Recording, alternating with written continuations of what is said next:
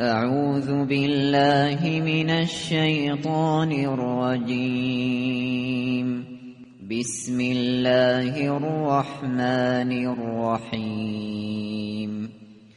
يسبح لله ما في السماوات وما في الأرض. له الملك وله الحمد وهو على كل شيء قدیر به نام خداوند بخشنده بخشایشگر. آنچه در آسمان ها و آنچه در زمین است برای خدا تسبیح می‌گویند. مالکیت و حکومت از آن اوست و ستایش از آن او و او بر همه چیز تواناست. هو الذي خلقكم فمنكم كافر ومنكم مؤمن والله بما تعملون بصیر. او کسی است که شما را آفرید و به شما آزادی و اختیار داد. گروهی از شما کافرید و گروهی مؤمن و خداوند به آنچه انجام می‌دهید بیناست. خلق السماوات والأرض بالحق وصوركم فأحسن صوركم وإليه المصير. آسمان ها و زمین را به حق آفرید. و شما را در عالم جنین تصویر کرد. تصویری زیبا و دلپذیر و سرانجام همه به سوی اوست. يعلم ما في السماوات والأرض ويعلم ما تسرون وما تعلنون. والله عليم بذات الصدور. آنچه را در آسمان ها و زمین است می‌داند. و از آنچه پنهان یا آشکار می کنید با خبر است. و خداوند از آنچه در درون سینه هاست آگاه است. الم یأتکم نبأ الذین كفروا من قبل فذاقوا وبال امرهم ولهم عذاب علیم آیا خبر کسانی که پیش از این کافر شدند به شما نرسیده است؟ آری آنها طعم کیفر گناهان بزرگ خود را چشیدند و عذاب دردناک برای آنهاست. ذلك بأنه كانت تأتيهم رسلهم بالبينات فقالوا فقالوا أبشر يهدوننا فكفروا وتولوا واستغنى الله والله غني حمید این به خاطر آن است که رسولان آنها با دلایل روشن به سراغشان می آمدند. ولی آنها از روی کبر و غرور گفتند آیا بشرهایی مثل ما می‌خواهند ما را هدایت کنند؟ از این رو کافر شدند و روی برگرداندند و خداوند از ایمان و طاعتشان بینیاز بود و خدا غنی و شایسته ستایش است. زعم الذين كفروا ان لن يبعثوا قل بلى وربي لتبعثن ثم لتنبؤن بما عملتم وذلك على الله يسير کافران پنداشتند که هرگز برانگیخته نخواهند شد. بگو آری به پروردگارم سوگند که همه شما در قیامت برانگیخته خواهید شد.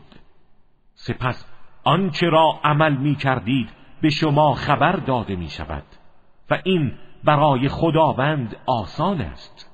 فآمنوا بالله ورسوله والنور الذي انزلنا والله بما تعملون خبیر حال که چنین است به خدا و رسول او و نوری که نازل کرده ایم ایمان بیاورید و بدانید خدا به آنچه انجام می‌دهید آگاه است.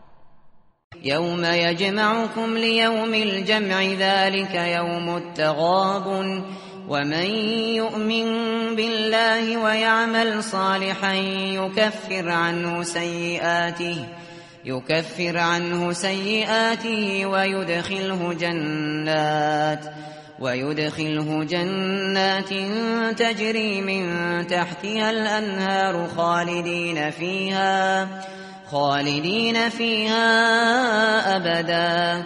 ذلك الفوز العظیم این در زمانی خواهد بود که همه شما را در روز اجتماع روز رستاخیز گردآوری می کند آن روز روز تقابل است.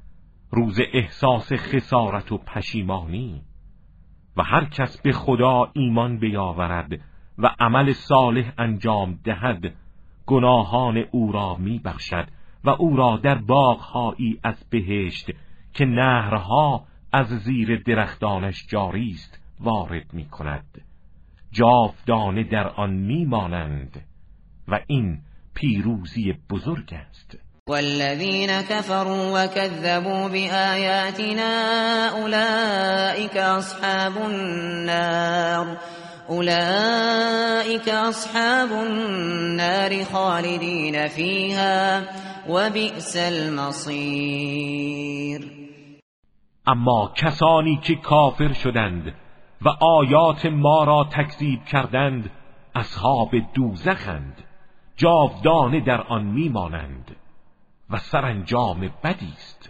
ما اصاب من مصیبت الا باذن الله ومن يؤمن بالله يهدي قلبه والله بكل شيء علیم.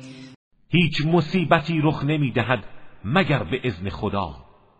و هر کس به خدا ایمان آورد خداوند قلبش را هدایت می کند و خدا به هر چیز داناست.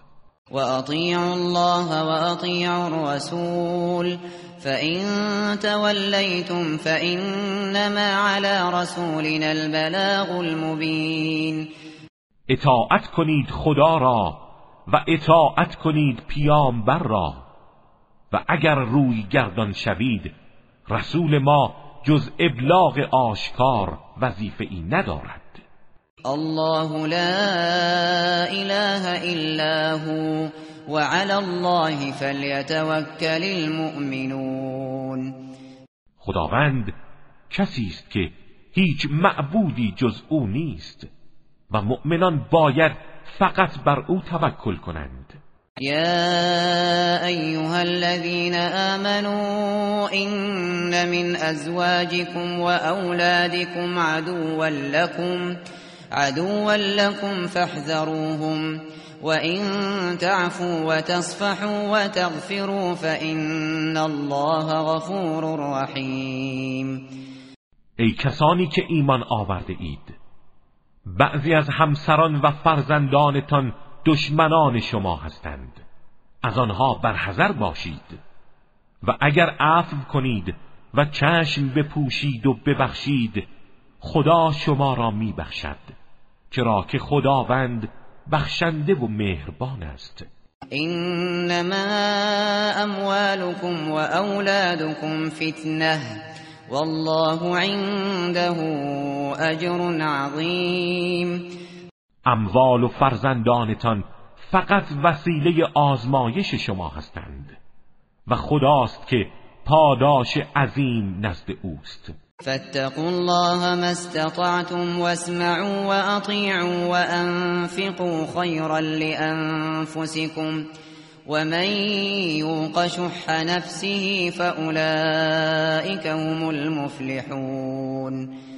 پس تا می توانید تقوای الهی پیشه کنید و گوش دهید و اطاعت نمایید و انفاق کنید که برای شما بهتر است.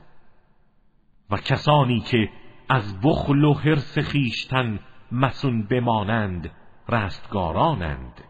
این تقرضوا الله قرضا حسنا یضاعفه لكم ويغفر لكم والله شکور حلیم اگر به خدا قرض الحسن دهید آن را برای شما مضاعف می سازد و شما را می بخشد و خداوند شکر کننده و بردبار است.